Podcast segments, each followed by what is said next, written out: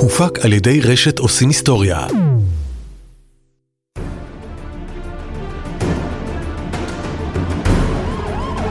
משטרת ישראל מציגה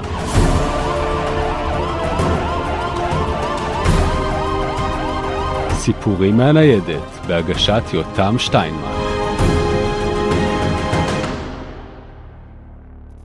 לכולנו יש אירועים שאנו מתכוננים אליהם זמן רב. פגישה חשובה, טיול נחשף לחו"ל, אירוע משפחתי. ברוב המקרים ההכנה לאירוע לוקחת הרבה יותר זמן מהאירוע עצמו. ימים, חודשים, ולפעמים שנים של הכנה אשר מתרכזות לכמה שעות, אולי לכמה דקות. שכן מהצד השני, כולנו מכירים את זה. קליק והטיול נגמר. קליק והחתונה עברה לה. יש אירועים מכוננים שמתרחשים בהרבה פחות זמן. נניח 30, אולי 40 שניות. בערך משך הזמן של הפתיח הזה עד עכשיו. כלום, אה? ככל שהאירוע המכונן שעליו נדבר מיד יתרחש ממש כהרף עין, הלכה למעשה, הוא תוצאה של שעות וימים ארוכים של הכנות, אימונים ותכנון. ככל שהאירוע התרחש כהרף עין, המשמעויות שלו לעתיד היו לא פחות מדרמטיות. האירוע שעליו נדבר קוראים לו אוטובוס האימהות, והוא בעצם אירוע מכונן של יחידה מיוחדת בשם הימ"מ, יחידה של משמר הגבול של משטרת ישראל, שבעצם מתעסקת בלוחמה בטרור. כדי לשמוע על היחידה הזאת והאירוע הזה, ואיך הם משתלבים האחד בשני, נמצאים איתנו באולפן שניים. דוד צור, חבר כנסת לשעבר, לוחם בימ"מ משנת 1980, מפקד הימ"מ בין 1991 ל-95, מפקד משמר הגבול בין 2002 ל-2004, ומפקד מחוז תל אביב של משטרת ישראל בין 2004 עד 2007, ואלי אמסלם, לוחם בימ"מ משנת 85 עד 2007, במגוון תפקידי לוחם ומפקד צוות. שלום לשניכם, מה שלומכם? שלום וברכה. שלום. דוד, נספר קצת על הימ"מ, על מקורותיו, איך הוא התחיל, למה הוא התחיל. אנחנו מדברים על uh, אמצע שנות ה-70. נכון, אני מזכיר שבתחילת שנות ה-70 יש uh, רצף של פיגועים uh, קשים, שבעיקרם באזור הצפון, של חדירות מחבלים. הפת"ח אז מאוד פעיל, אש"ף מוציא פיגועים גם באזורים מרכז. תל אביב, רק לאחרונה נפטרה כוכב הלוי, שמענו אירוע סבוי הידוע, אוטובוס הדמים שבא אחרי זה, אולי 72, זה אירוע מכונן גם כן במינכן, רצח הספורטאים. וגם שם בהיעדר יחידה מיוחדת שמתעסקת אך ורק בנושא של חילוץ בני ערובה, ובעיקר אחרי אירוע מעלות, שזה היה קטסטרופה מבחינה מבצעית. רבין מאי היה... 74. נכון, רבין אז היה ראש ממשלה, והגיע להבנה שכמו בהרבה מאוד מקומות אחרים בעולם, שהצבא, שזה עוד משימה אצלו, לא יכול לספק את העבודה, ולא תשמע ממני מילה רעה על סיירת מטכ"ל, זו יחידה מעולה. נגיע עוד למתח הזה בין היחידות המובחרות אצלי השונות. לא תמצא אותו, כי אני אומר לך, זו יחידה מהטובות בעולם, אבל בסופו של דבר, כשזה לא הייעוד העיקרי שלך, אז אין, אה, אין פה אפילו אה, מדד להשוואה, ולכן בסופו של דבר ההחלטה נפלה ב-74, ועדת חורב המפורסמת, שכתוצאה ממנה קמו מספר דברים. קודם כל העבירו אחריות uh, לביטחון הפנים למשטרת ישראל והוציאו את הצבא מהאחריות הנושא, בנושא הזה. זה ברמה, נאמר, המקרו. ובמיקרו הקימו מספר יחידות, ביניהן הימ"מ. שקראו לה בהתחלה, אגב, פלוגת האגרוף, הסיירת של משמר הגבול. איזה שם... אה, אז תראה, יש כאלה, אם אה, מדקדקים מאוד והולכים להיסטוריה, אז כבר יש סימנים שב-72-73, הגת של המשטרה מנחה את משמר הגבול להקים איזה מעין סיירות מיוחדות, שעל הבסיס שלהם באמת קמו אחרי זה, קם הימ"מ, כי זה היה יותר קל. אבל הימ"מ, במבנה שלו ובתצורה האמיתית שלו, בסופו של דבר מגיע אסף חפץ, אחרי שני מפקדים קודמים לו, ובונה בעצם תפיסה של אנשי קבע בלבד. זו אולי המהפכה הגדולה שאסף עשה. מקצוענות. בעצם. מקצוענות, שזה אנשים שממוינים לטובת העניין הזה, עם יכולות uh, פיזיות, מנטליות, ומשם למעשה הימ"מ מתעצב בצורה כפי שאולי אפילו עד היום, עם שינויים כמובן לאורך הדרך, שינויים ארגוניים, תוספת כוח אדם, פיצול אה, פלגות, אה, מודיעין חזק מאוד, וכמובן טכנולוגיות שאפשר רק להתקנא בהם היום, שהלוואי והיו בתקופתנו. 84 זה אירוע מכונן בתולדות הימ"מ. אני אז מפקד אה, מחלקה, מה שהיום זה פלגה, ולצערי אני בירח דבש, זאת אומרת, שמחתי בירח דבש, אבל אני בצערי, בדיוק בעיתוי הזה, נחטף אוטובוס בכביש החוף, קו 300, מאזור אה, דרום אשדוד, ובטיסה לכיוון דיר אל-בלח, עוצרים אותו, הימ"מ מוזעק מתרגיל אגב, אוטובוס, שהוא במקרה עושה, ב... זה אומר מקרה כי זה ממש אה, באינטנסיביות גבוהה מאוד, וקופצות שתי מחלקות לכיוון האוטובוס הזה, צלפים עומדים על האוטובוס, כולם מוכנים לפעולה. לצערנו, גם איציק מרדכי, שהיה אז קחצר, וגם האלוף אה, בריל, שהיה אז אלוף הפיקוד, לא מקבלים החלטה לפעול, ובאיזשהו אה, מהלך מצליחים לשכנע שסיירת מטכ"ל עושה מודלים לפני, לתת לה את הפעילות, ומכניסים אותה לפעולה כשהיא פחות, נאמר, מכירה את ההוויה של האירוע עצמו, ובכלל את נושא ההשתלטות.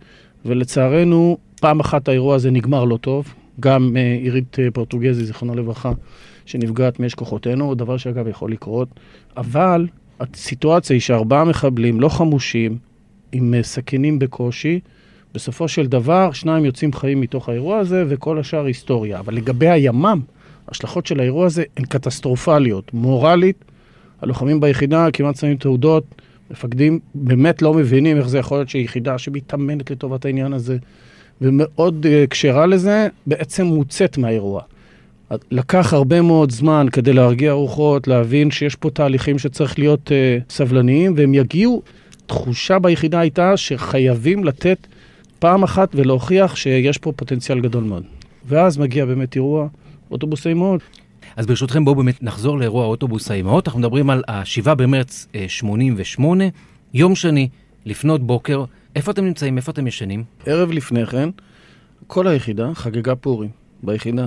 היה משתה גדול, שמחה גדולה כ... אלכוהול, אני מניח. כמסורת היחידה. אתה אמרת, אוקיי. שורה תחתונה, אירוע משפחתי גדול מאוד בתוך היחידה, ואז אה, מתפזרים לקראת סוף הערב, ואני די חושש מהנסיעה הביתה של כל הלוחמים. מתכנסים אליק ובן וש... וזמיר, שהיינו אה, רביעיית הפיקוד נאמר, ומתלבטים, בכל זאת, אנשים מאוד שמחים, רוצים לחזור הביתה עם המשפחות והחברות. ואני אומר, רבותיי, אני מאוד מוטרד מהעניין הזה, כי אנשים שתו ואנשים אה, שמחים, ושעה מאוד מאוחרת, 1-2 בלילה, לא רוצה שייסעו הביתה רובם. ואז אנחנו אומרים ללוחמים, שדי כועסים אפילו, שמעו, לפחות שתי מחלקות יצטרכו להישאר פה, אחת יכולה לנסוע. שמחלקות בימ"מ, עוד נגיע לזה, מחלקות אורגניות בעצם. כן, כן. ואז uh, אני מתנדב להישאר ושולח את אשתי, זיכרונה לברכה, לינדה, אני שולח אותה הביתה, ואני אומר, אני נשאר עם הזה, כמפקד תורן לצורך העניין, אני קיבלתי את ה... כאילו, אני עשיתי את הרע, אני אשאר איתם, אין בעיה, ושולחים uh, באמת הביתה. אז הסיטואציה היא, שזה נדיר שזה קורה, סדק יחסית גדול של שתי מחלקות, עם צלפים ועם כל הנלווים, נמצאים ביחידה, ישנים ביחידה. חלקם כבר ממש כאילו, זה היה להם, בא להם אפילו טוב, כי יכלו לנוח. אלי, למה התחפשת ואיפה ישנת? אני לא זוכר למה התחפשתי, אבל ישנתי ביחידה, כי המחלקה שלנו הייתה כוננית. כל לילה נשארת מחלקה שהיא כוננית, אז אנחנו היינו נשארים בכל מקרה. וכמו שצור ציין, עוד מחלקה נשארה שם, כי הם היו אמורים גם להחליף אותנו למחרת בבוקר. אז נספר קצת למאזינים כדי שנהיה על ציר הזמן. איפשהו לפנות בוקר לא בדיוק ידוע, הם חוצים את הגבול ממצרים. לדעתי אפילו לילה לפני. לישראל?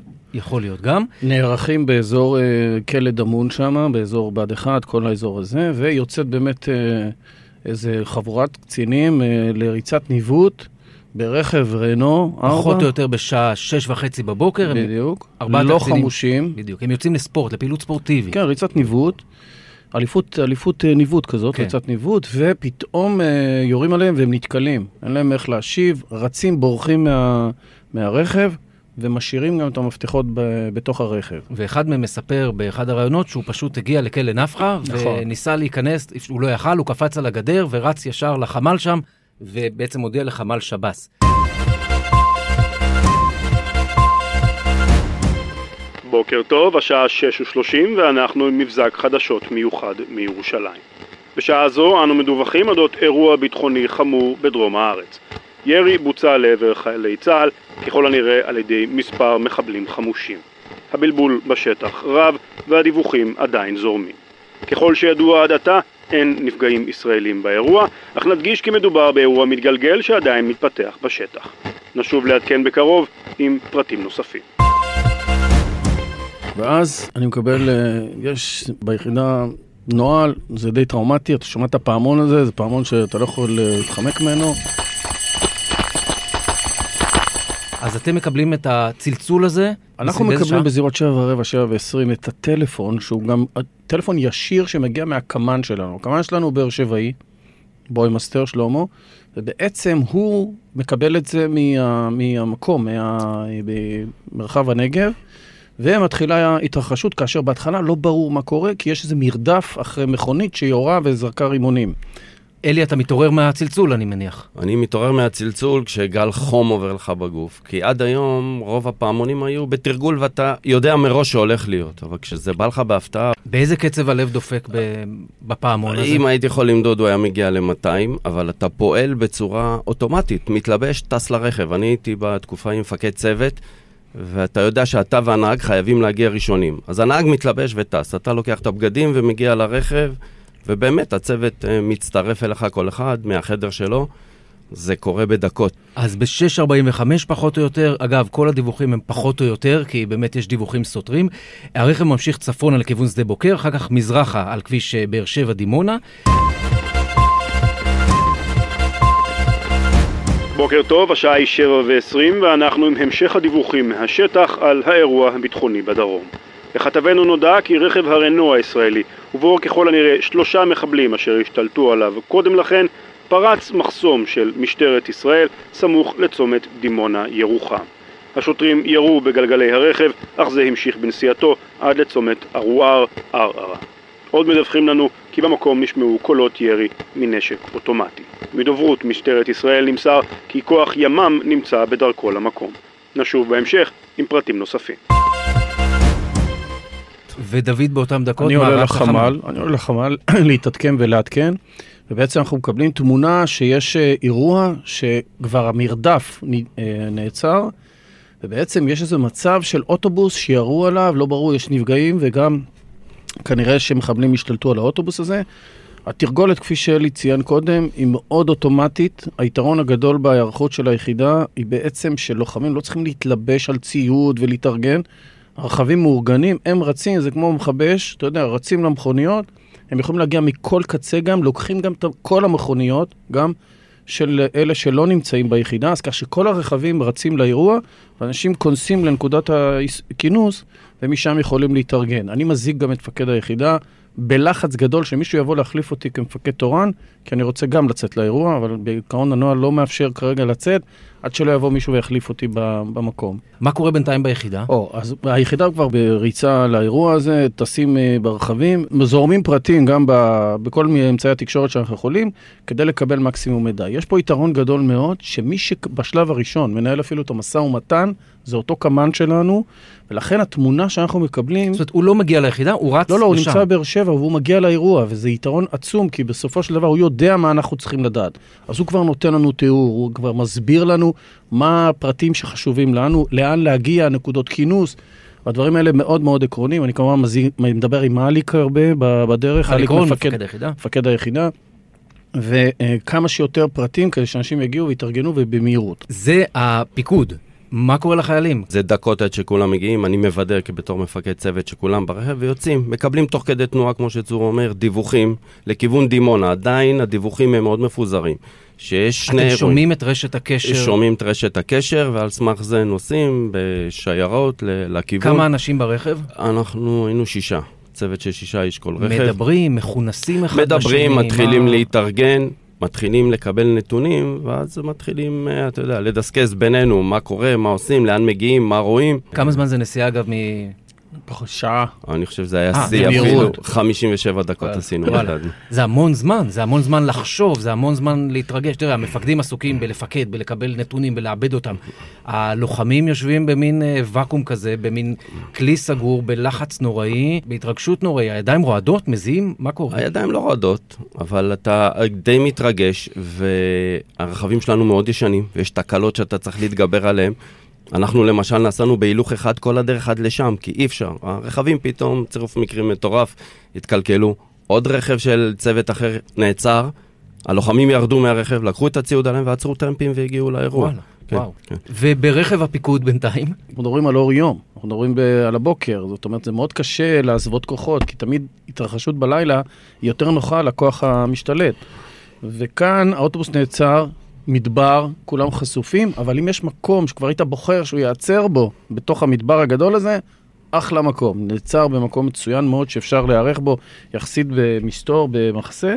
יש איזו גבעה שולטת עליו אפילו, נכון, שזה ויש די גם, נוח. וגם הצלפים יכולים להתמקם במקומות טובים, ולכן כשהיחידה כבר מגיעה לשם, מירב הפרטים מתקבלים, ויחסית הפריסה המהירה של הצלפים ושל החפ"ק, וגם ארצי הגורל, מי שבעצם מפקד על האירוע, אותו איציק מרדכי שב-84 עשה את הטעות אה, גם שעלתה לו כמעט בקריירה אישית. אגב, עד היום הוא לא מודה בטעות הזאת, יש לי איתו המון שיחות. והוא טוען שנכון לזמן הזה היה נכון להחליף, אני טוען שזו הייתה טעות נוראית, כי בסופו של דבר צלפים לא יכולים לפספס אירוע כזה, במה שהיה ב-84. זה, זה, זה החלום הרטוב של כל מפקד יחידה, ולצערי, אני אומר, שם קיבלו החלטה שגויה, ולכן באירוע הזה ב-88, איציק מרדכי לימים יאמר, לא היה לו ספק. הוא גם מכיר את אליק, אני חושב שהתרומה של אליק במובן הזה הייתה עצומה, כי ההיכרות שלו כמי שבא משלדג עם, אה, עם הקוד הצה"לי הייתה דרמטית, ולכן אני אומר תמיד למפקד היחידה, ברגע שיש את האינטראקציה הנכונה לפני האירועים האלה עם אה, הפיקוד הבכיר, בסופו של דבר יש חשיבות, כי אנשים מסתכלים אחד לשני בעיניים ורואים אם יש ביטחון, יכול לסמוך עליו, יודע, מכיר אותו, הוא ילך איתו. וכאן זה מה שקרה.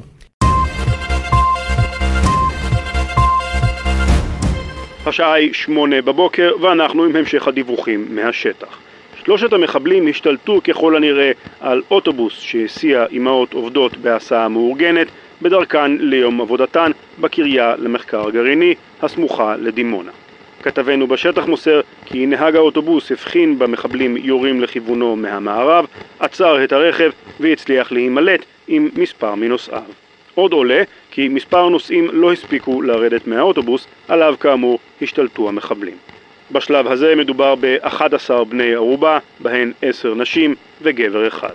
עד כאן בשלב הזה, נמשיך לעדכנכם ככל שיידרש.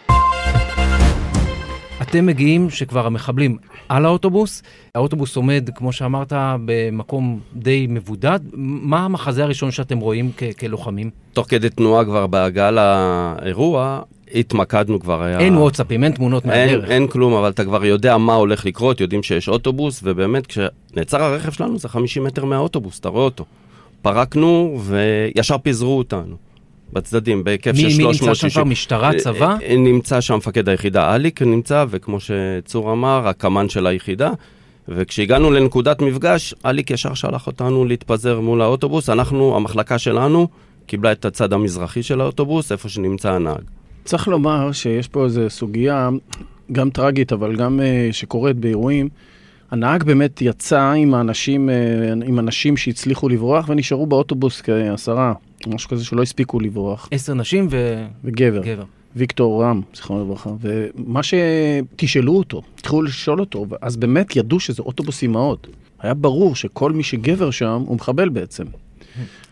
ויקטור כנראה היה בכל זאת אה, דומיננטי ועשה שם פעולות כדי אה, להרגיע או כדי לנסות וירו בו. הסיפור. שלו הטרגי כן. הוא בעצם זה הוא שהוא איבד. את אשתו בדיוק חצי שנה או שנה לפני, ולכן הוא הצטרף לאוטובוס האימהות כמי שגם צריך להכניס את הילדים לגן, ולצערו הוא אה, אה, היה באוטובוס הזה ונרצח. ולפי הסיפורים הוא גם עזר לנשים לרדת לפניו מהחלק האחורי, נכון. ולכן הוא נתקע שם בעצם. ונהרג. והתחקור הזה של הנהג הוא מאוד חשוב להבנה של כמה, מי, כמה מחבלים. יחסית התמונה הייתה מאוד ברורה, בשלבים יחסית מאוד מוקדמים. אז א', אור יום, כמו שאמרתי, רואים את החלק מהמחבלים, כי המחבלים האחרים חלקם 50 מטר אפילו בלי משקפות רואים, מה זה, זה קרוב. כן, אבל הם ניסו להסתיר, אבל בסך הכל זוויות הירייה היו טובות לצלפים, ויש uh, דיווחים uh, ברורים לכוחות, ויודעים שמדובר בשלושה מחבלים, כולל תיאור שלהם, ובסופו של דבר מתנהל פה איזה מרוץ אה, נגד הזמן בשני, נאמר, אה, מישורים, שני פרמטרים. אחד, מבצעי ענייני, כי בסופו של דבר זו חוליה מאוד נחושה, היא ירתה כבר והרגה מבני ערובה, והסוגיה השנייה שהיא פחות אולי אה, אמורה להיות רלוונטית, סיירת מטכ"ל עם המסוקים שלה חולפת מעל האוטובוס כבר באירוע, ולא מקבלת אישורי נחיתה, כי יש שם קושי להנחית אותה, והם מנחיתים אותם יחסית במקום רחוק. עכשיו תחשוב, הם יצאו מסוקים מהבסיס שלהם, וטסו את, את כל הדרך, ונחתו, ועד שאספו אותם לנקודת הכינוס, הימן כבר היה עם צלפים, פרוסים, לכאורה סיטואציית קו 300, בדיוק אותו עניין, כאילו מלהקים עוד פעם את אותה דרמה, ומפקד האירוע, כמו שאמרתי, איציק מרדכי, שגם היה שם תפקיד אה, אלוף חשוב. הפיקוד הוא. כן. לפני שנגיע לעניין המבצעי, אני מניח שמסתכלים במשקפות, מסתכלים דרך כוונות. איך הם נראים המחבלים האלה? אתה רואה אותו כמעט עין בעין, אני מניח, נכון? אז זהו, אני הגעתי יחסית בשלב מאוחר לאירוע הזה. הגעתי, אה, נאמר, איזה עשר דקות, רבע שעה לפני הפריצה, והזווית של התצפית, של ה... שאני עליתי לתצפית גם של אה, המודיעין וגם של ה... מאחורי אחד הצלפים, רואים את האירוע מצוין. איך הם נראים מבחינת אה, מאוד הפנים לחוצים, שלהם? מאוד, אה, מאוד אה, גם אגרסיביים, במיוחד אחד שיוצא ומדבר עם המגפון, נתנו לו מגפון והוא תקשר עם צוות המשא ומתן, יחסית מטווחים קצרים מאוד. היה לו גם חולצה כזאת, שנדמה לי היה כתוב בה מספר אחד. פלסטין אחד. כן, פלסטין אחד.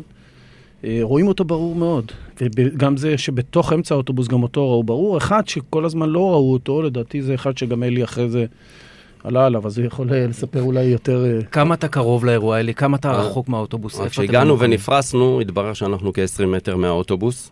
וואו. מפקד המחלקה בקבוצת פקודות אצל אליק. אני מחלק את הצוות לחלונות, מי עולה לאן, והמחבלים הגיפו את רוב החלונות באוטובוס, חוץ מהנהג וחוץ מהחלון האחורי מאחורה, וגם בחזית המזרחית, גם את הווילון של החלון האחרון הם לא הגיפו. הם נשארו עם איזה ארבע חלונות שהם יכלו לראות.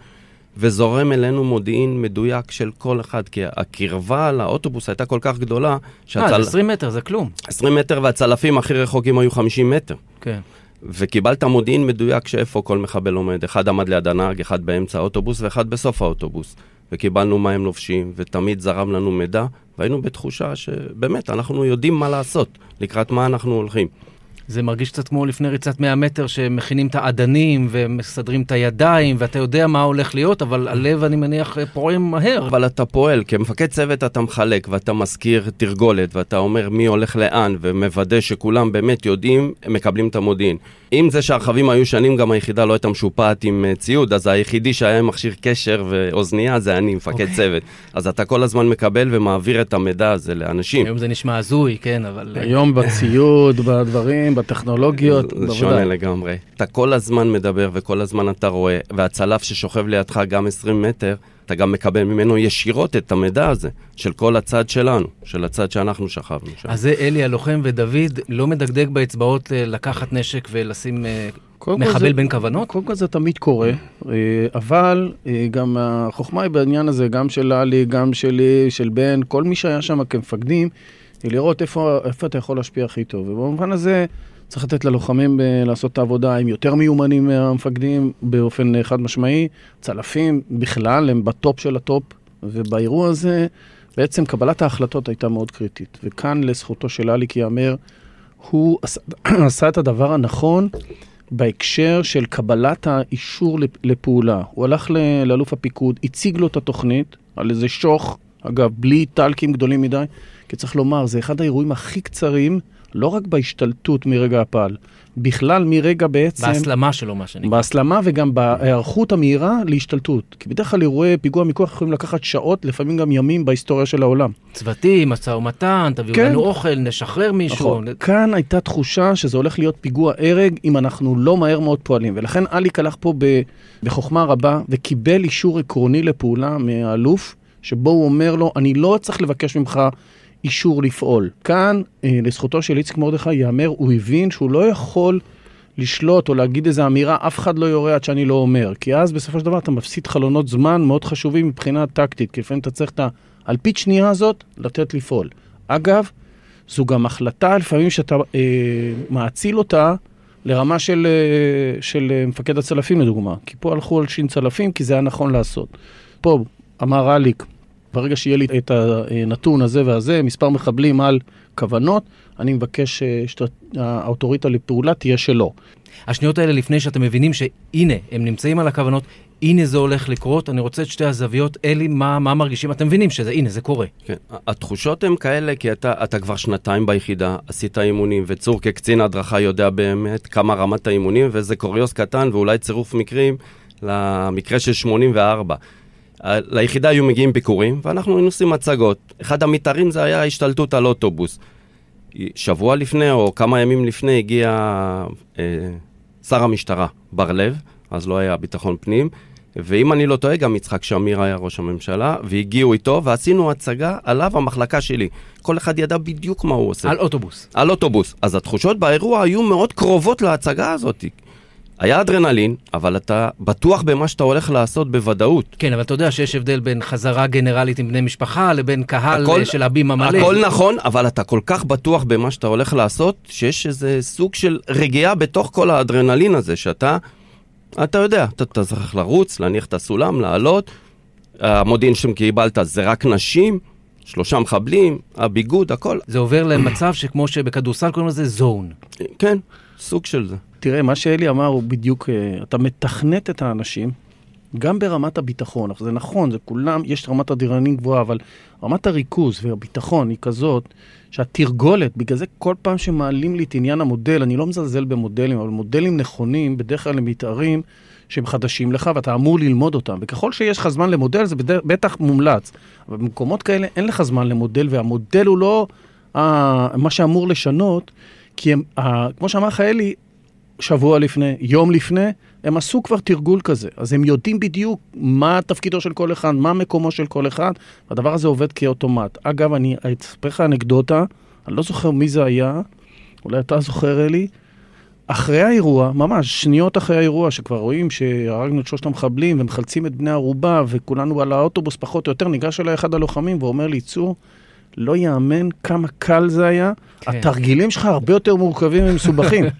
כי התרגילי אוטובוס, אתה עושה כל מיני טריקים, שם מטענים, ו... ולכן ההצלחות הן אה, כאילו מאוד מאוד אה, קשות בתרגיל כזה. ולעומת זאת, ב... באירוע האמת, זה פשוט הלך להם כאילו כל כך קל, אז הוא אמר, בוא'נה, זה לא יאמן. התרגילים גם היו נמשכים שעות. נכון. בשמש, בחום, יתושים, עניינים. זה התחיל באור יום ונגמר באור יום למחרת, כן. לפעמים. כן. אבל זה מה שעושה כנראה יחידה מקצוענית, זה בדיוק לא, העניין. זו גם הייתה הקונספציה, שאירועים כאלה של אה, מיקוח לוקחים זמן, ויש משא ומתן, ודרישות, mm. והולכים וחוזרים, ופה זה לא היה ככה. אמר לי פעם איזה לוחם ימ"מ שהכרתי, אמר לי, תקשיב, השרירים כבר מתוכנתים, זה לא הראש, השרירים מתוכנתים לדריכה של הנשק, נכון. לשליפה של הנשק, השריר מתורגל ממש פיזית. בוקר טוב, השעה כעת 10:24, הדרמה בדרום הארץ, עדכונים חיים. האוטובוס החטוף, המכונה אוטובוס האימהות, מכותר בשעה זאת על ידי כוח ימ"מ של משטרת ישראל. מדיווחים מהשטח עולה כי הכוח מוכן להשתלט על האוטובוס ברגע שהתבקש. כתבנו מוסר כי בדקות האחרונות נשמעו מספר יריות בתוך האוטובוס ואף נזרק רימון שככל הנראה לא התפוצץ. אנו מדווחים על אזרחים הרוגים בתקרית. כפי הנראה, אם המצב ימשיך להסלים, הכוחות המיוחדים יפרצו לאוטובוס החטוף בדקות הקרובות. נעדכנכם עם פרטים נוספים מהאירוע הדרמטי ברגע שיתקבלו. אוקיי, אנחנו מגיעים ממש לפריצה עצמה. אליק צועק בקשר, פעל? נכון, וקצין הצלפים בעצם אומר שיש לו את החלון, אליק נותן הוראה לפעול, שני מחבלים בזווית מאוד טובה לצלפים נופלים מיד. זאת אומרת, הם חוטפים אפילו משני כיוונים, משתי זוויות, נהרגים המחבל שנמצא בקדמת האוטובוס אה, במושב הנהג, והמחבל שנמצא באמצע. הוא חוטף מיד, אבל יש מחבל שמתחבא מאחור, לא רואים אותו כמו שהוא אמר, חלונות מוגפים, והוא לא בזווית הצלפים, הוא אולי היה חלקיק זמן, אבל בחלון זמנים בין הפעל לבין הפעולה, הוא לא בזווית. אלי, אליק צועק לך באוזניות, פעל, פעל. דקה לפני זה שהוא צועק את הפעל פעל, הוא אומר, ברגע שיש שלושה על, צלפים על שלושה, יש פעל. וידענו שזה האירוע שלנו ואף אחד לא יכול לקחת אותו מאיתנו. באמת, מה שקורה, אני שומע פרוץ, פרוץ, פרוץ. הבעיה שרק אני שמעתי את זה. אני רץ מטר, פתאום אני רואה שאף אחד לא זז. צעקתי להם אחורה, פרוץ, ואז רצנו. זהו, אתה פועל כמו אינסטינקט, רץ, אני יודע איפה החלון שלי, אני יודע איפה שאני עולה. אני מגיע לחלון, עולה, הוא פתוח. הוא פתוח, אין אה, וילון. אתה ראשון אני בחבורה? הגעתי ראשון במקרה, כי אני אמרתי, הייתי עם הקשר, אז היה לי יתרון קטן. קפצתי גובה של שתי מטר, ורק בשחזור הבנתי את המשמעות, אבל באירוע לא, לא שמתי לב, חשבתי שאני רץ ישר. באמת. זאת אומרת, לחלון האוטובוס. זה היה שתיים, שתיים וחצי מטר של גובה, ובשחזור אתה פתאום בולם את עצמך. אבל רגע, איפה? זה המדרון. כן. כן. ואתה באירוע קופץ, ומגיע לשם. זאת אומרת, לא ידעת שאתה אתלט כל כך. וזה שניות. אני עולה לאוטובוס, אני באמת רואה ממול. אני עובד כמו אוטומט. אני צועק לשכב לבנות הערובה. אני סורק, אני יודע שזה גברים, אני רואה מתחתיי בדיוק בספסל האחורי, מחבל, שוכב, עם uh, קארל גוסטב עליו, היה לו מעצור בנשק, והמבט שלו, הוא הבין שלקראת מה הוא הולך, ונתתי מטר. מסתכלים בעיניים? מסתכל, הסתכלתי לו בעיניים, זה שבריר שנייה, אני רואה ברור. אותו הולך להבין מה הולך לקרות, כי האקדח כבר בתוך הפנים שלו, טווח של חצי מטר, יריתי מטח כמו שאני מסוגל, צעקתי מחבל הרוג, ואני רואה ממול אה, את כל החלונות, את כל החברים, אתה שנייה מרים את הראש, פתאום אתה רואה שכל האוטובוסים, לא, אתה החברים מספר את זה שלך... ככה מהר, זה הזמן שזה בעצם קורה. זה הזמן שזה קורה, כמו שצור אמר, האוטובוס עמד בדיוק, אם רוצים אירוע, אנחנו רוצים שהאוטובוס יעמוד במקום הזה. קצין החבלה סנסולו הגיע עד אליי, והוא צעק חדל כי הוא ראה שני מחבלים הרוגים בדרך. אז שם אני מבין, אתה יורה מטח ואין לך, אם הוא הרוג ואין לך עוד אה, מגע בעין, אז אה, זה מסתיים מבחינתי. אתם יושבים בפיקוד, ובעצם כל הדברים לא בשליטתכם. לא, ברגע בשלב ש- הזה אנחנו כבר הרבה יותר קרובים. עוזבים את נקודת הפיקוד, שהייתה נאמר 100-150 מטר מהאוטובוס, ומגיעים כבר לשלב שבו אנחנו כולנו עם הלוחמים בעצם, טווח של ה-20-30 מטר. אבל זה לא בשליטה שלכם. לא, אתה מהרגע הזה, אתה אומר, אתה שולח אותם, אתה מקווה מאוד שבסופו של דבר, אה, בכל מה שהכשרת אותם, הדרכת אותם, יקרה. ואכן זה קרה יפה אתה מאוד. מצליח לראות את אלי? אני אגב? לא רואה את אלי, אבל אני כן רואה את נחמיה דווקא, כי אני בצד. בדיוק בצד השני שאלי מדבר עליו. אגב, הרעיון פה עכשיו הוא איך לחדול את. את הירי, כי אתה כבר מבין ששלושת המחבלים הרוגים, אז אין, אין פה מקום עכשיו לירי, כי כל ירי עלול אה, לסכן או כוחותינו או בני ערובה. ויש חשש למטען. תחת ה- אה, בנות הערובה שסרגה. חבל סריגה הזה נראה בהתחלה כמו תיל ממין. הקצין החבלה שלנו, סנסולו, אה, מיד צעק אה, את התרגולות, ולכן התחילו לשלוף את הבנות ערובה מהחלונות ולא מה, מהדלת, שלכאורה היה חשש שתהיה ממולכדת, כי בדרך כלל הדלתות הן ממולכדות. בסופו של דבר הצלחנו לשלוף את הבנות ערובה, ואז אה, טוהר האוטובוס. ואז זה בעצם מ-180 קמ"ש לאפס.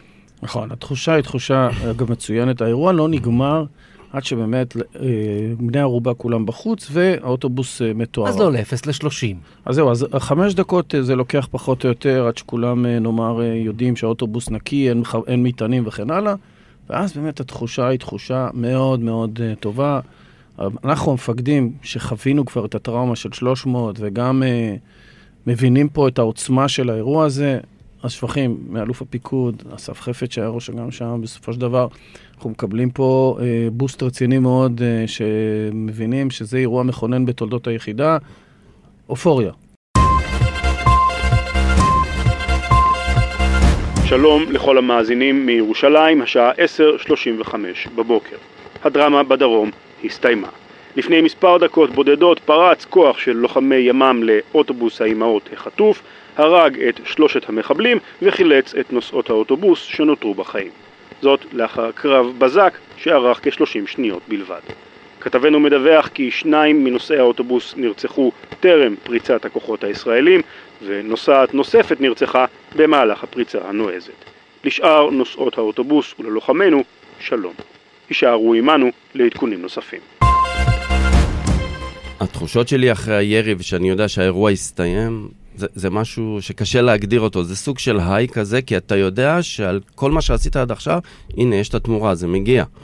Uh, אתה גם מתחיל להריץ בראש, למרות שזה זמן קצר. הנה, ההכרה הזאת אולי עכשיו תשנה את כל מה שחשבו.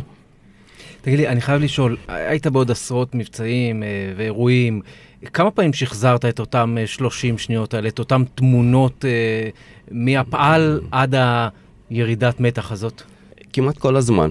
אתה עסוק בזה, זה אירוע באמת אחד מרגעי השיא של היחידה, לפי דעתי רגע השיא של היחידה, למרות שהיום הם פועלים בצורה מדהימה, כל הלוחמים שם. זה נשאר לך בראש למשך כל התקופה הזאת שהייתי שם, ועד היום. כן. עד היום. זה מתעורר... אתה אה, עוצם את העיניים, אתה רואה את התמונה. אני רואה את התמונה, אני עדיין רואה את המבט של המחבל אליי, זה לא... אני זוכר את החולצה השחורה, פלסטין, אחד, את הסוואצ'ר הזה, וזה לא יוצא ממני, אבל אתה יודע שאתה שם בשביל זה. עשית כל כך הרבה אימונים להגיע למצב הזה, וכמו שצור אמר, שזה אירוע מכונן, משם היחידה טיפסה כמו טיל למעלה. איך מבחינתכם, אה, הצלחה מסחררת, אה, הוכחתם את מה שאמרתם כל הזמן בעצם, נכון? נכון, תראה, אני לא, אני לא הופתעתי, אני לא אומר את זה עוד פעם מנקודה של יהירות, זה אירוע יחסית מבחינה טקטית, הוא לא אירוע מורכב, יש לו, הוא אירוע, נאמר, עם פוטנציאל עצום של יכול להיות תקלה, והוא למעשה פסגת ההוואים של יחידה שזה הייעוד העיקרי שלה. המבצעים שהיו לפני ושיבואו אחרי הם הרבה יותר מורכבים בהקשרים, נאמר, טקטיים, איך מתכננים אותם, להיכנס למקומות מאוד קשים שבהם אתה צריך, ויש היתקלויות. זה, זה אירועים מאוד מאוד מורכבים, הרבה פחות נאמר מהאירוע הזה, אבל זה אירוע שהוא מכונן, כי זה האירוע בעצם שלשמו היחידה הזאת הוקמה, קיימת, מתאמנת, וצריך לומר, תמיד הייתה ליחידה תחושה שהיא second best, לא בגלל היכולות, אלא בגלל אה, פוליטיקה ארגונית, וצריך לומר שמי שהיה שם מתוסכל ברמות, נסער, זה היה בוגי. לימים אה, רמטכ"ל, ובוגי אז היה מפקד, אה, מפקד סיירת מטכ"ל, והוא לא סלח לפיקוד הצבאי, והוא שם השתולל בצד וחשב שזה נכון להעביר, ואני שנים, היה לי דיבורים עם בוגי על העניין הזה. אחרי זה, לימים, כשהוא היה מפקד אוגדת איו"ש דווקא, ואז אני הייתי מפקד היחידה, ב-92, אירוע קשה מאוד שהיה שם עם אלי אברהם, זיכרונו לברכה, שהוא אירוע בעצם שיש בו בן ערובה לכאורה, עם מחבלים, שני מחבלים שיורים מהבית כל הזמן.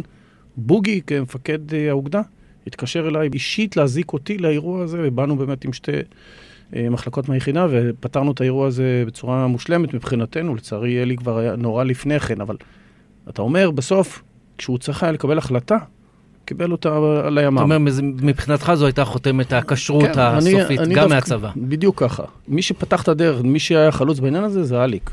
אתם ממשיכים שניכם ביחידה, גם אחרי זה יש הרבה אירועים. דוד צור, אתה מתמנה למפקד היחידה, אלי, אתה ממשיך בכל מיני תפקידי פיקוד. יש אירועים נוספים ששווים לדבר הזה מבחינת הזיכרון שלכם? זאת אומרת, היו המון אירועים, אבל משהו כל כך דרמטי? לפי דעתי וקסמן היה מאוד דרמטי מבחינתנו. ובעיקר זה החזיר אותנו לקו 300. אם אתה רוצה לפתוח את וקסמן, לפתוח פצעים ישנים, בואו נתחיל.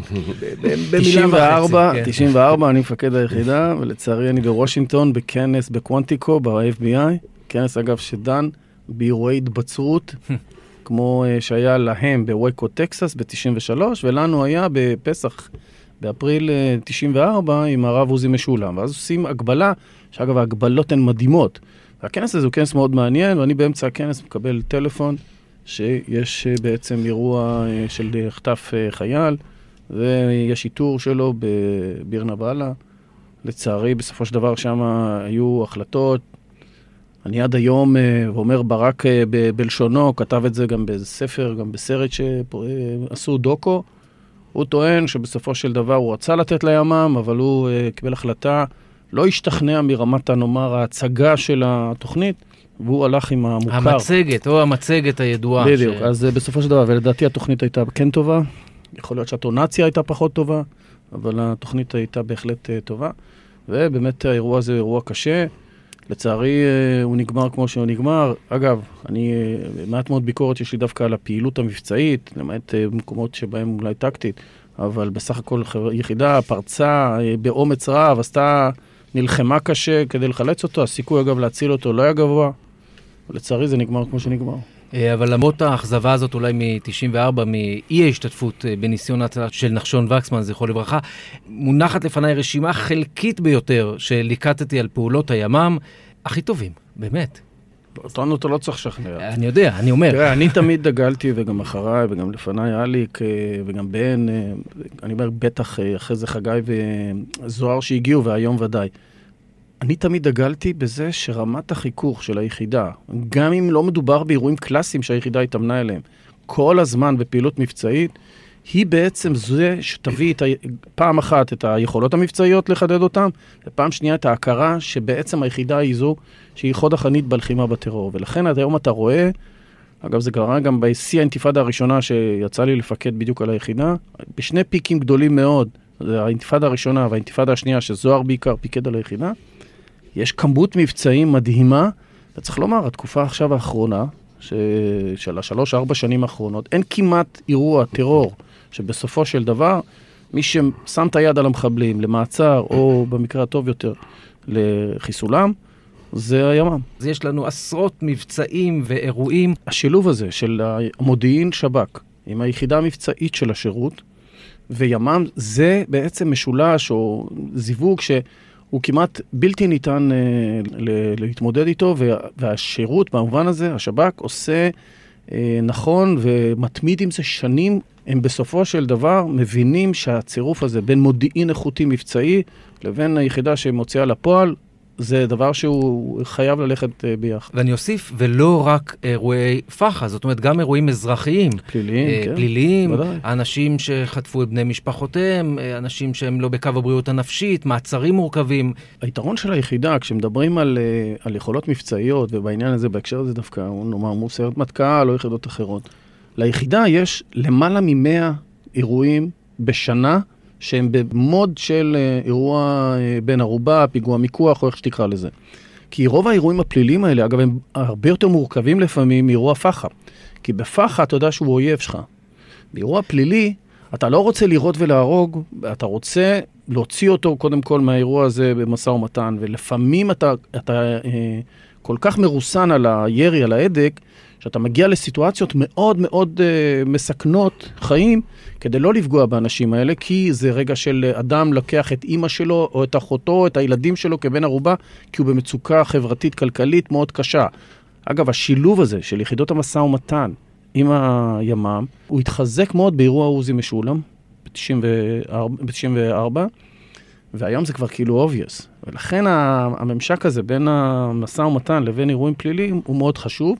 שלא נדבר על זה שיש אירועים אחרים של עבריינים קשים, שבהם היחידה פועלת, או סמים אפילו, עברייני סמים, וזה מתרגל מאוד את היכולות של היחידה. אני יכול להגיד לך שאני כמפקד מחוז, וגם כמפקד מרחב, כשהייתי בשפלה, הפעלתי הרבה מאוד את היחידה, למשל בג'ואריש, שהייתי צריך אה, גם התעמות, גם יכולות אה, מעצר, וכמפקד מחוז ביפו, הם פעלו אצלי לא מעט על אה, דירות סמים ועבריינים קשים. האירוע של האימהות היה, ההצלחה שלו הייתה כל כך משמעותית מבחינתנו, כי הפכנו להיות, בזכות ההכרה, זרוע מבצעית של השב"כ. עשינו המון פעילויות, וצור יכול להעיד שעד שנת 92, סוף 92, תחילת 93, לא, לא נחנו לרגע, אני לא ראיתי את הילד למשל. עבדנו המון. הרגשתם אבל- גם את השינוי הזה באוויר? שפתאום מתייחסים אליכם ברצינות יותר? אנחנו הרגשנו, אבל הציבור לא ידע, כי ריבוי המדיה שיש היום לעומת מה שהיה, אז לא כן. התפרסם שום דבר, והיה לנו גם נוח אה, להישאר מתחת לרדאר. בואו נדבר על אה, תפקידים בימ"מ. מגזרים, מה שמותר לספר כמובן. היחידה בנתה את עצמה לאורך הזמן בתפקידים באופן כזה שכמעט כל צוות היום ביחידה הוא בעצם אוטונומי כמעט לפעול בכל צורה. אפשר להטיל עליו משימות מאיסוף המודיעין, דרך אה, אה, ביצוע התוכנית, מאשרים את התוכנית אצל מפקד היחידה או הפלגה, לא משנה, תלוי ברמת הסיכון, ויכולים לצאת למבצע, ויכולים להיות כמה מבצעים במקביל. יכולות הפיצול של היחידה הן אה, מצוינות. אני- מתוך החלוקה הזאת לצוותים. בתוך החלוקה הזאת. אחד האירועים המכוננים שהיו לנו, זה בגלל פיצול שהיה, שבן לקח אה, אירוע בכלל פלילי בכפר סבא, אני ירדתי עם, אה, לאירוע פח"ע בעזה, ופתאום האירוע הזה התפתח מאירוע שאולי חשבנו שהוא יהיה אירוע מינורי, לאירוע מז'ורי, שבסופו של דבר הייתה לנו שם התקלות ונהרגו שם חמישה מחבלים, ולצערי גם נהרג אה, ויקטור רג'ואן, מהיחידה המבצעית של השירות. התקלות של בורחי כלא עזה. במקביל, בן הצליח יפה מאוד עם הפעילות פלילית שהייתה שם של סחר בנשק. אז היחידה יכולה לפעול בשלוש-ארבע זירות כאלה במקביל. התפקידים הם תפקידים גם של לוחמים, שבהם כל אחד מיומן במקצועות. כולם אגב עושים קורס לוחמים, אחרי זה מתחיל שלב המקצועות, ולפי היכולות שלהם מפנים אותם. יש שם אנשים שיודעים אה, לגלוש מצוין, אז הם יהיו גולשים, ויש אנשים שיודעים להפעיל סולמות מצוין, אז הם יפעלו, ויש אנשים טכניים שרואים על ההתחלה, יישלחו לקורס חבלה, יעשו ח- קורס חבלנים לכל עניין ודבר, יחזרו עוד אפילו לעשות השלמה בתוך היחידה. חבלני הימ"מ לדוגמה, זה חבלנים שהם בטופ של הטופ, כי הם מתעסקים, להבדיל מחבלן רגיל, שזה חבר'ה מצוינים, איכותיים, חבלנים בימ"מ הם מתעסקים בפירוק של פצצות בידיים. כי אתה צריך אותם תוך כדי ההשתלטות, שיעשו את העבודה הזאת. זאת אומרת, יש מקצועות לכל עניין ודבר. הכלבנים לדוגמה, כלבים בתוך היחידה, זה יתרון עצום, להבדיל מהצבא, שזו יחידה בפני עצמה, כנ"ל החבלה, ואז כשיש אירוע, מצרפים אותם. תמיד החיבורים האלה, התפרים, הם החלק החלש של השלם. וכאן ביחידה זה הכל in-house, ולכן היכולות האלה הן מצוינות. צלפים? חשובים מאוד. סלם, צלף בפני עצמו. כן. אחרי שסיימתי את התפקיד לוחם, עברתי לצלפים, שבעצם הם גם לוחמים, הם חלק אורגני של כל אה, פעילות. בשנות הפעילות הקשות שלנו, הצלפים היוו בעצם את חוד החנית, הם כמעט כל פעילות הייתה בשיתוף של צלפים. אבל שם הרבה פחות אדרנלין צריך, והרבה פחות... אה, לאו דווקא. צריך להיות רגוע, לא? הריכוז מאוד גבוה. יש חשיבות לפעולה של הצלפים שתהיה בו זמנית של כולם ביחד כדי להצליח במה שאנחנו היינו עושים שם. אתה אומנם רחוק מהאירוע, אתה לא קרב פנים מול פנים כמו שלוחמים עושים, אבל עדיין האחריות היא מאוד מאוד גבוהה. זה פרק אה, די אה, ארוך אצלי ונהניתי בו יותר מאשר הייתי... אה, וואלה, באמת. נהניתי במרכאות, אבל... אה, או שלא במרכאות. אה, נהגים מבצעיים, זאת אומרת, יש נהגים שהתפקיד שלהם הוא נהג מקצועי, הרבה נעזרים בציוד מכני כבד כחלק מאסטרטגיית פעולה. גם את זה לומדים. מסתערבים, ביחידה הוקמו כל מיני אה, גופים מקצועיים שמתמחים, אבל כולם הם לוחמים. היתרון של גם היחידה, שהיא מצליחה לאורך שנים לשמר את הלוחמים הוותיקים שלה בתפקידי מטה מבצעים. אז כשאני אומר לך, למשל, יחידת תצפיות, אז זה לא איזה חבר'ה שבאים אה, כתצפיתנים ל- ליחידה. הם אנשים שגדלו ביחידה, הם נאמר, התבגרו קצת בגילאים, מסוגלים להיות לוחמים, לתת אה, סיוע מבצעי אם צריך, אבל הם לא בכשירות הכי אה, גבוהה, לוקחים אותם לתפקידים, נקרא לזה מטה מבצעי. זה שבט, זה משפחה. ממש ככה. והדבר הזה בסופו של דבר גם מאפשר גם אפיקי קידום בתוך היחידה, וגם ניצול יכולות, כי זה אנשים מאוד מקצועיים. אתה מדבר על צלפים לדוגמה. נכון, הצלפים בסופו של דבר כאילו הם בש... כי לכאורה בקו שני צריך פחות אדרנלין, אבל צריך אנשים מאוד שקולים, מאוד מקצועיים, כי הם יכולים להכריע לך אירוע בשנייה, ובאמת הם יודעים לעשות את זה הכי טוב שבעולם לדעתי. מה צריך להיות uh, כדי להיות איש ימ"מ מבחינת תכונות אופי? עזוב, ברור שצריך להיות uh, בכושר, וצריך להיות uh, עם הכשרה מסוימת, טכנית, וצריך להיות עם תיאום עין יד טוב, זה ברור. אבל מבחינת האישיות, מבחינת האופי, קודם כל לרצות את זה. כל אחד יש את הטיפה המשוגע הזה כדי להגיע לשם. אתה מפחד, אבל אתה צריך את האומץ להתגבר על הפחד הזה. סבלנות, אם זה אצל הצלפים, קור רוח, ריכוז, תכונות שהן אה, בעצם נדרשות כשאתה פועל ברמת אדרנלין מאוד מאוד גבוהה. שלב השאלה הזהה, שאלתי את אלי, אני שואל גם אותך, מה, איזה תכונות צריך כדי להיות לוחם ימ"מ, אה, לא פיזיות? תראה, אני חושב, מנטלית, אה, אנשים צריכים להיות אה, ברמה של אה, גם מודעות מאוד גבוהה, גם שרוטים אולי במידה מסוימת, אבל שרוטים ברמה הנכונה. אני טוען שחוש הומור זה דבר חשוב. הקור רוח, היכולת להכניס דברים בפרופורציה, אתה יודע, כי צריך באמת להיות מאוד ממוקדים. ומנטלית זה אנשים שביכולת שלהם גם להיכנס ממצבי שגרה למצבי חירום, הם מהר מאוד יכולים לעשות את המעברים האלה. זה דבר שאתה מודד אותו לאורך זמן. אני ראיתי אגב אירועים ב-15 שנותיי ביחידה, חבר'ה שהיו מצוינים ברמות, אה, באימונים, מקצוענים, ובאמת, יורים מצוין, ופתאום הגיעו לרגע האמת, ושם הם אה, אולי זייפו, והיה לי אירועים כאלה, והפוך. זאת אומרת, היינו מצבים שבהם אמרת, זה לוחם בינוני יחסית וזה, ופתאום כשהיה לך איזה אירוע, ראית פתאום שהוא לא רואה בעיניים, מבריק, אה, או אה, עשה איזה דבר מדהים, או שהוא אה, באומץ רב אה, נכנס במקומות שבהם לא היית מצפה אולי שדווקא יעשה. אז כך שהמציאות הזאת היא מציאות מאוד מאוד אה, דינמית, שצריך כל הזמן כמפקדים אה, לראות באמת, אה, לזהות את האנשים. אלי, אמרת רוצים את זה. אתה הגעת ליחידה, באירוע עצמו היית, בוא, ילד בן 24. נכון. כמה רצית את זה, וכמה התגלגלת להיות אחד שרוצה את זה? אני השתחררתי מהצבא, ולאחר שלושה חודשים הגעתי לימ"מ. כשאני הגעתי, הופתעתי לראות שבוועדות קבלה היו קרוב ל-1,500 אנשים שרצו. לגיבושים הגיעו קרוב ל-400-500, ולקורס הגענו 32, וסיימנו את הקורס 50 אחוז, 16 אנשים. אז באמת רציתי. היום למשל, אתה תראה שקודם כל אה, הגיל של הלוחמים המגיעים ליחידה הוא הרבה יותר גבוה. הם מגיעים כבר אחרי שהם עשו את הטיול אה, אחרי צבא ואפילו לימודים, והם מגיעים בגילאים, בגיל 30 כזה אנשים מגיעים ל- ל- להיות לוחם, שזה באמת לא, לא משהו שהוא אה, כך אה, מקובל. המיון הוא מיון מאוד מורכב, אני לא בטוח שהיום אני הייתי מתקבל ליחידה לצורך העניין.